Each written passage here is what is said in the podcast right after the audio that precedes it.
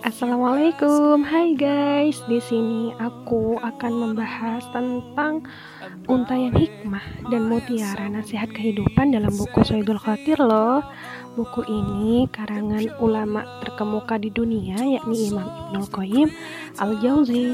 Beliau adalah sufi, juga ulama terkenal yang nasihatnya bisa kita jadikan pelajaran dalam hidup ini.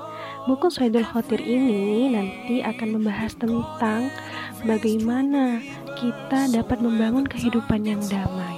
Sampai bertemu di daftar isi selanjutnya ya.